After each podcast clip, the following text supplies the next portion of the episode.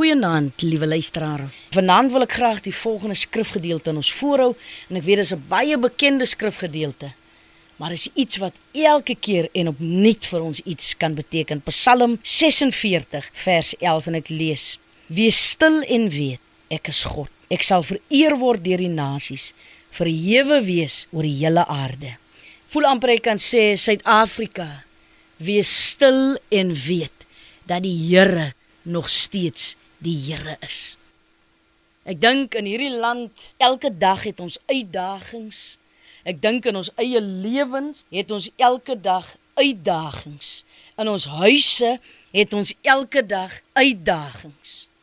By die skool is daar elke dag uitdagings. Waar ons ook al kom, is daar 'n uitdaging. En ek dink een van die grootste uitdagings vir ons is ons weet nie wat môre vir ons inhou nie. Maar dan kom hierdie woord: Wees stil en weet ek is die Here. Ek is jou God. En dan besef 'n mens net, die Here is nie daar ver nie. Hy is hier by ons. Dis wat vir my so verbuisterend is. Hierdie groot God wat die hemel en die aarde geskaap het. Hy's nie ver nie, hy's hier by my. Hy weet van my, hy ken my, hy ken my sit, hy ken my opstaan. Daarom as hy sê, wees stil en weet, ek is jou God. Ek kan ek nie anders nie.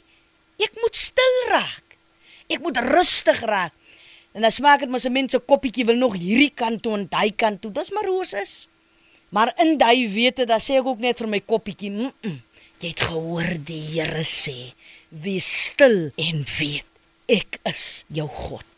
So liewe luisteraar vanaand, as u stil word in uself, weet dit net, hy is u God.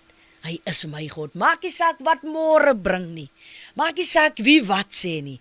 Wees stil en weet. En wees stil in daai wete. Kom ons bid saam vanaand. Here, dankie dat ons kan weet u is ons God.